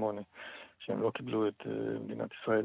אז, אז מבחינה הזאת הייתה לנו עמדה מאוד ברורה, uh, גם בזכות קיומנו ובזכות האידיאולוגיה הציונית. אבל, אבל מהי האידיאולוגיה הציונית? אז זה שוב נורא מעניין. נגיד, הוא חקר, הוא חקר את הרצל, וכתב ספר נורא מעניין על הרצל. והוא מציג שם את הרצל, אז יש שם שתי טענות. אחת, היא פחות רלוונטית אולי להיום, והיא ש... מה שהניע את הרצל להיות ציוני לא היה משפט רייפוס, כמו שמלמדים את הילדים שלנו בשיעורי היסטוריה בתיכון, אלא מכלול אירועים פוליטיים באוסטריה-הונגריה, למשל הבחירה של ראש עיר אנטישמי בווינה וכולי, שאחר כך מופיע בדמות אחרת בספר שלו וכולי. אז, אבל הדבר השני ש, שהוא מציג בספר, זה נורא מעניין, זה שבעצם הרצל באלטנוילנד בונה דימוי של מדינה שתהיה פה, שמושתתת על שלושה אה, יסודות, או, או, או שלוש רגליים. וזה אה, ליברליזם וזכויות אדם, או מה שהוא קורא אה, יחס שווה לכל האזרחים, שוויון אזרחי, סולידריות, שזה הסוציאל דמוקרטיה, וחילוניות, שזה, הרצל אומר שם, אנחנו נכבד את ה... את הרבנים, והם הפנים של הדת שלנו, אבל המקום שלהם הוא בבתי הכנסת, יש הפרדה בין הדת והמדינה. שלושת היסודות האלה, אומר אה, אבנירי, היו בעצם ההתחלה של הציונות, והציונות בחרה אה, בשלושתם כשלושת היסודות. ואז בסוף ההרצאה המפורסמת שהוא נשא באקדמיה למדעים, הוא אומר רק משפט אחד. אני מקווה שאני מצטט מילה במילה. כך בימים ההם, כך בימינו, ההחלטה בידינו. כלומר, אנחנו צריכים גם לקבל החלטה לגבי איזה סוג של מדינה אנחנו רוצים. Mm, אבל אני זוכרת, נגיד, נכון, כן היה, אתה יודע, היה לו התכתשויות כאלה עם בן גוריון אפילו, כשהוא היה צעיר. בעצם הוא האשים אותו בדיוק, אני חושבת, בבחירה לא לדבוק בכל הצדדים האלו. נכון, נכון. הוא היה, כן, אבינרי היה סוציאל דמוקרט לגבי הנושא החברתי, אבל הוא היה מאוד ליברל לגבי יחסי מדינה-אזרח, ובן גוריון פחות. אז, אז כן. אה, הוא מאוד ביקר אותו, כן, עוד כשהוא היה צעירצ'יק, הוא הצטרף למפלגה ו- ו- ועשה דברים נגד בן גוריון, וכך הלאה. כן. אני חושבת גם על, על עוד דברים שבאמת, שוב, שמילותיו חסרות לי עכשיו, זה לגבי, אני חושבת, העוצמה של החברה האז- האזרחית בישראל, שגם היא התגלתה אה, בשיאה, אולי, בשבועות האחרונים. נכון. אז, אז זה, זה דבר מעניין. דרך אגב, הוא, הוא כן כתב כמה מאמרים שאתה... אני התחלתי לקרוא אחרי שהוא נפטר ביום שישי, לחפש uh, מאמרים שלו ככה להיזכר. Uh, ב- בעיתונות, בארץ ובעיתונות בחוץ לארץ, uh,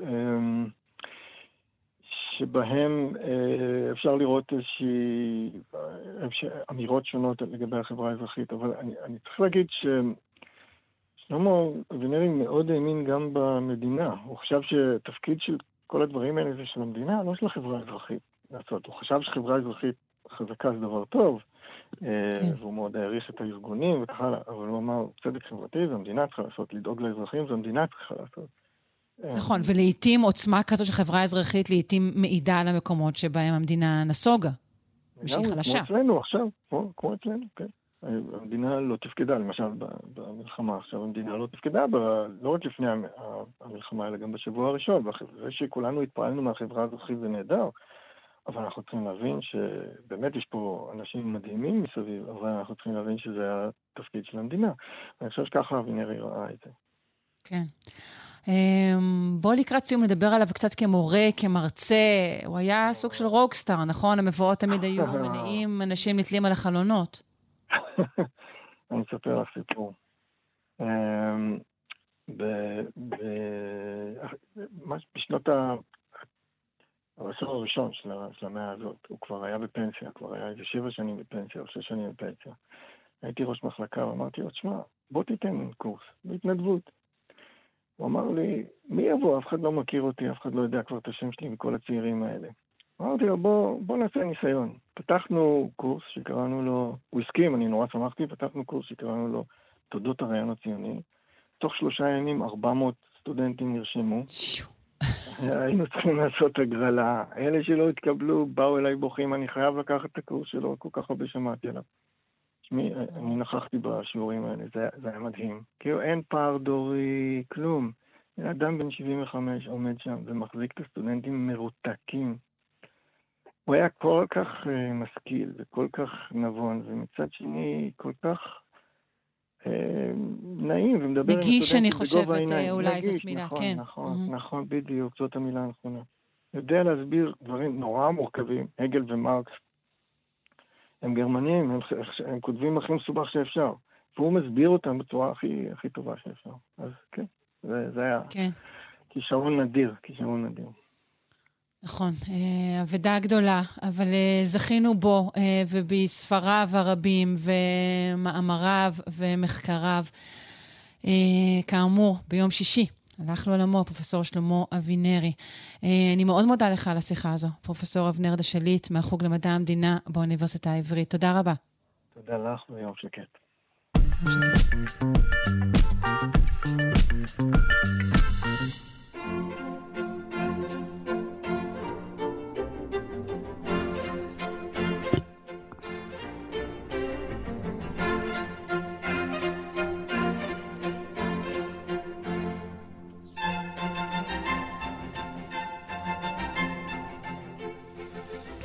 אנחנו רוצים שלום. אה, אנחנו רוצים שלום, כן, תראו מה יצא לי. איפה פרויד? למה הוא פה? אה, אנחנו רוצים לומר שלום ליונתן הירשפלד, צייר וכותב על אומנות. שלום. בוקר טוב, שרון. בוקר טוב. אה, על מה אנחנו מדברים היום?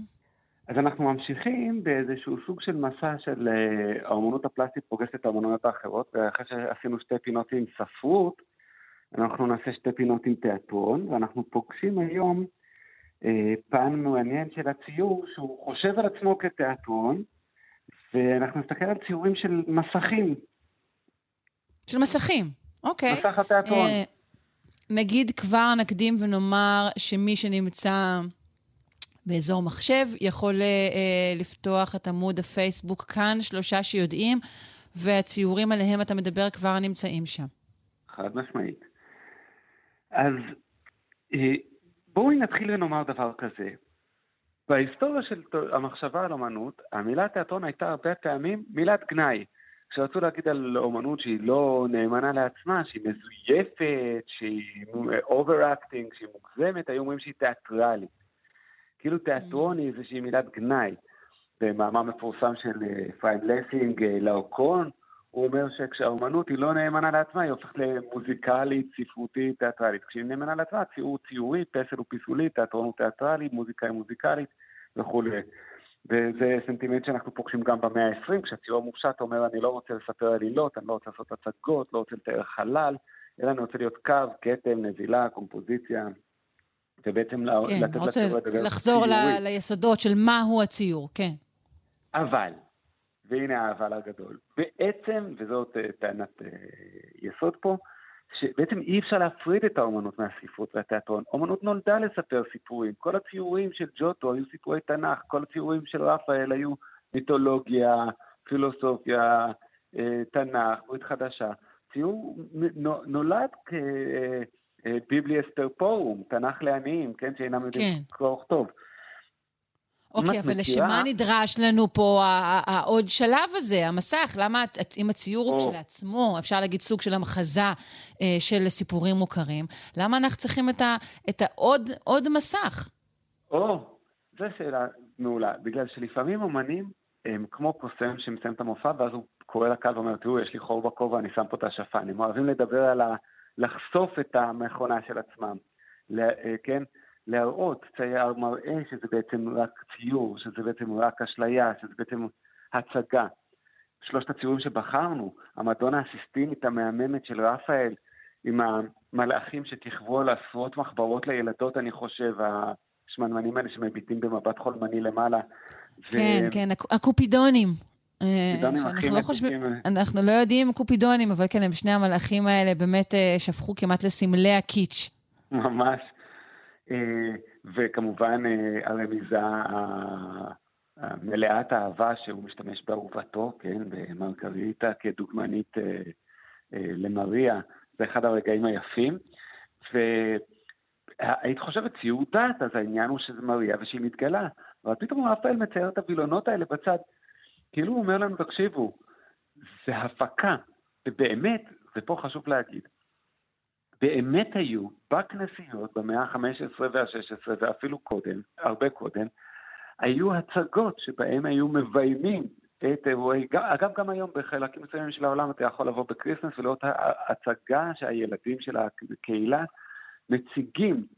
זאת הסיבה אגב שלפעמים את רואה בציורים של ג'וטו או של משהו כזה שהתפאורה של האירועים היא נהיית כמו תפאורת קרטון, שכאילו את רואה את מריה וישו על רקע זה מין כן. בתים מאוד מוקטנים ודקים כאלה. הם בעצם משכפלים את תפאורת הקרטון. זאת אומרת, הציור הוא לא ציור של האירועים, אלא ציור של הצגת האירועים. ורפאל, שהוא הרבה יותר מתוחכם כבר, הוא רק קורץ לנו, כן? זו קריצה. אצל רמברנדט... זאת אומרת, הוא לא, הוא לא מתאר, אני חושבת, רפאל, את ההצגות האלה שאתה אומר. הוא אומר לנו בעצם, אולי בקריצה, זה הכל בעצם הצגה. הסיפורים עצמם, סיפורי התנ"ך עצמם, הם התיאטרון שנועד להעביר מסרים אחרים? הוא, אה, זה נראה לי מאוד מרחיק לכת. אה, הייתי... אה, אה, הייתי נזהר... אני מרשה לעצמי, רפאל כבר לא פה. כן. לא, זה מחשבות מאוד... קודם כל, צריך להרשות לעצמנו, כי האנשים האלה היו סופר חכמים ואינטליגנטים וערמומיים, אז אפשר להרשות לעצמנו את זה.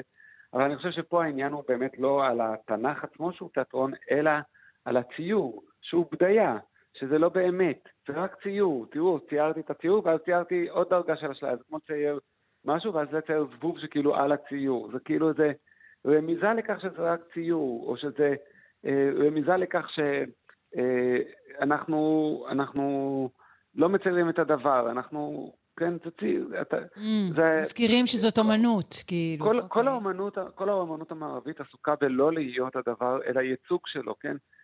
פעם שאלו את אה, גרשוני, עליו השלום, למה בעבודה המפורסמת בדם ליבי הוא לא פשוט חתך לעצמו את האצבע וכתב עם הדם? למה הוא השתמש בצבע? אז הוא אמר, כי זה אומנות. אני לא עושה עבודה על מוות אז אני הורג מישהו. לא, לא לוקח את uh, אשתי, ממסמר אותה לדת ושם במוזיאון, תראו, יש... כן, שוב, אומנ- אומני גוף יגידו לך אחרת, אתה יודע. נכון, אז, אה, אז, כן. אז אה, רפאל שייך למסורת שחושבת שהאומנות היא לא, לא להביא את הדבר עצמו, אלא להביא ייצוג, אבל הוא פתאום רוצה גם להעיר על זה הערה ולהגיד לנו, תראו, זה ייצוג, להצביע על עצמו. ואני חושב ששתי העבודות הנוספות שהבאתי של רמברנדט, משפחה קדושה כל כך מורכב, עם חתול שנרטב כנראה בגשם ומתקרב לאש, וכאילו זה סיפור בתוך סיפור, כאילו מסתבר שביום שפה המשפחה הקדושה יושבת גם ירד גשם והחתול נכנס, כאילו, זה גם קרה, אתם יודעים? והתינוק בוכה, שזה גם, כאילו, אף פעם לא ראינו את baby Jesus בוכה, כי בסך הכל הוא אלוהים, למה ש... מה, מה רע לך? אבל... נכון, הכל צריך להיות סבבה. נכון, אבל כיוון שרמברנדט באמת משתמש ב- בשחקנים, אז, אז ילדים לפעמים בוכים, אמיתיים, שהם לא ישו, הם לפעמים בוכים. התוצאה אצל רמברנדט נראית כמעט כמו אה, מיניאטורה. באיזשהו כן. אופן. ואתה יודע מה. עוד? נגיד עם רפאל פתרתי את זה לעצמי, אמרתי, טוב, זה גם עניין של קומפוזיציה, כזה וילון משני הצדדים, וגם לצייר עוד בד, זה מצביע על יכולת וכו' וכו', להראות שהבד הזה כבד. אה, אצל רמברנדט, זה שזה גם מוסט לצד אחד עד כמה שאני רואה, זה, זה ממש עושה תחושת הצצה, לא? ממש תחושת הצצה. עכשיו תראי, היה בהולנד של המאה ה-17, שלפעמים אנשים קנו ציור ולא רצו שהוא יתלכלך או יתאבק או שכל אור- אורח יראה אותו והיו שמים עליו וילון קטן, ואז רק כשבאים אורחים חשובים מסיתים אותו. אבל זה לא העניין כאן. כאן זה לא הערה על, כן, הוא לא מצייר את הנוהג הזה, אלא ממש כמו שאמרת, זה נראה כמו במה, כמו מיניאטורה, כמו הצגה, כמו, כמו, אה, כמו אובייקט, זה נראה כאילו הוא צייר אובייקט עם. המסביב שלו. זה כל כך מיוחד, זה כל כך self referential, זה כמו סאות' פארק או, או פמילי גיא שעושים אה, מעברון, את יודעת שהם כאילו מעירים על עצמם ש... היי, אני רק סדרה. כן, כן, זאת, זאת שבירת הקיר הרביעי אה. אה, כן. קלאסית כזאת, כן, פונים למצלמה. אה, מה לגבי מגריט? אצל מגריט אני חושב שזה כבר דרגה יותר גבוהה. אצל מגריט זה כבר ממש מטאפיזי. מגריט אומר לנו, תראו, זה הכל הפקה. גם המטאפיזיקה, גם השמיים זה הצגה. כן, זה טרומן, זה טרומן שואו כזה, אם שוב אנחנו נתלים. בדברים מפופ, ממש נכון. לא. אני חושב הרבה פעמים על אנשים שנוסעים להודו, והם רואים את הודו, כן? ואז, מהי אותה הודו? הודו היא הצגה שמופקת לימי האדם הלבן, שבו האדם הלבן יכול להסתכל ולקבל אישור על החיים הטובים שלו על ידי זה שתראו, הם עניים, תראו, הם אה, מתרחצים בגנגס, תראו זה, והוא כאילו משתתף בהפקה שהיא כולה מבוימת לכבוד, או, נגיד אה, בן אדם שהולך לאיזה שבט אה, אינדיאני בארצות הברית באיזה שורה, ורואה אותם רוקדים ריקוד גשם. אחי, יש להם אייפונים, הם לא רוקדים ריקוד גשם באמת. הם מפיקים כן, את גשם הזה אה, דבר- בשבילך. כן, בשבילך. זה, זה השיר ש, שכותרת המשנה שלו זה הו כמה טוב שרחצת ידיים. אה, אבל אה, בסדר, אתה יודע, זה לא תמיד היה ככה, זה דברים שהולכים ונעשים ככל ש... אתה יודע, ברור. ציניות גוברת, צריך להרוויח כסף, אז בעצם אבל זה מה שמגריט אומר אבל לנו. אני חושב שמגריט מראה לנו את הדבר הזה, שגם הרגע הזה שבו אתה פותח את החלון ומתפעל מיפי הטבע וטחול השמיים, גם הרגע הזה הוא באיזשהו רגע, הוא מופק, הוא מבוים, הוא תיאטרון, הוא הצגה. השמיים מתקפלים ובצדם האחורי, וילון התיאטרון. כן, אבל השאלה אם זה כאילו מה שהוא אומר, זה כמו שאתה אומר בעצם, נכון, אין אותנטיות, השבט הזה יש לו אייפונים, או שאולי זה משהו דתי, שוב, הרי, שוב, אני חוזרת לתנ"ך, כל בריאת העולם זה באמת חתיכת מופע, אנחנו כאן בתיאטרון של בורא עולם. כן, כן, פה כן. אתה רואה, אם היססתי- אם היססתי על רפאל, פה אני לא מהסס, בהחלט. מגריט לגמרי כאילו, אה, זה לגמרי, המטאפיזי עצמו הוא הפקה, אה, זה, זה, הכל, זה הכל מבוים, זה הכל הצגה, זה הכל מאחורי מסך התיאטרון. ואת יודעת מה הכי עצוב? שמאחורי מסך התיאטרון אין כלום, יש רק מסך. כל הדבר זה מסך תיאטרון. אין פנטזיה שמאחורה יש איזה משהו עמוק שאנחנו לא רואים. לא, אתה, מק- מאחורי השמיים יש מסך, מאחורי המסך אין כלום. כן, זה מאוד מאוד, כן, זה דק ו- ושטוח ופלקטי, זה לא, זה לא נראה עם עומק, זה סתם. לגמרי. כן. אה, אתה עצמך אה, ציירת את מסך התיאטרון גם. אה, שוב, אנחנו, מי שרוצה להציץ בעבודות האלו יכול להיכנס לעמוד הפייסבוק שלנו. למה נדרשת אתה למסך התיאטרון? זו סדרה קטנה מאוד שצוירה לפני איזה שנתיים-שלוש.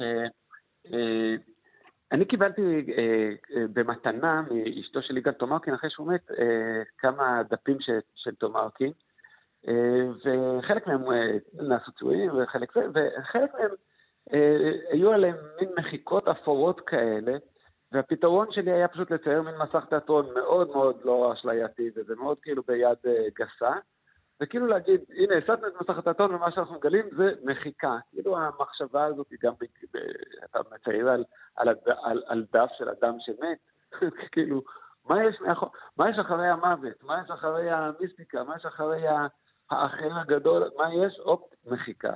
יש מסך ומאחוריו משהו שמחוק, משהו שאיננו, משהו שנעדר.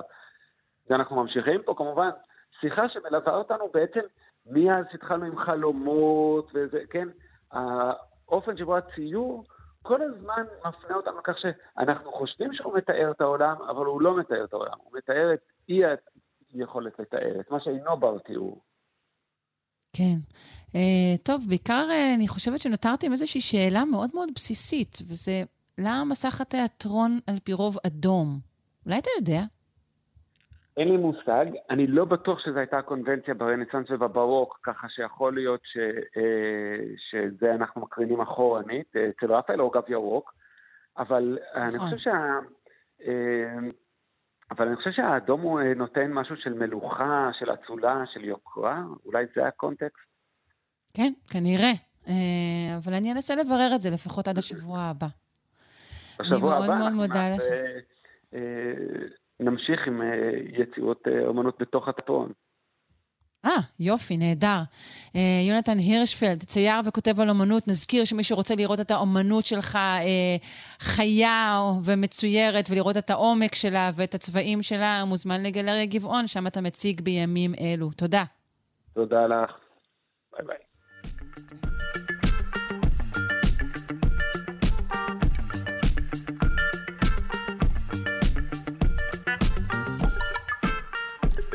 עד כאן uh, שעתיים שלנו, שלושה שיודעים, שעתיים שערכה אלכס לויקר, שהפיקה תמר בנימין. על הביצוע הטכני היה דימה קרנצוב. אנחנו מזכירים שניתן להאזין לנו גם כהסכת ביישומון של כאן תאגיד השידור, וגם כמובן ביישומונים אחרים לבחירתכם. אפשר גם לפתוח את השידור החוזר שלנו בשעה שמונה בערב, כאן בכאן תרבות. אה, כל הדרכים הנכונות להאזין לנו וגם לינקים נוחים, את כל אלו אפשר למצוא בעמוד הפייסבוק, כאן שלושה שיודעים, שם נמצאות אה, גם התמונות, הציורים עליהם אה, דיבר הירשפלד. אנחנו מודים לכם מאוד על ההאזנה, גם בבוקר הזה, ומקווים שהצלחנו אה, להנעים את זמנכם איכשהו אה, בתקופה אה, צריך להגיד מורכבת, איזו מילה ארורה. אני שרון קנטור, להתראות, יום שקט. אתן מאזינות ואתם מאזינים לכאן הסכתים. כאן הסכתים, הפודקאסטים של תאגיד השידור הישראלי.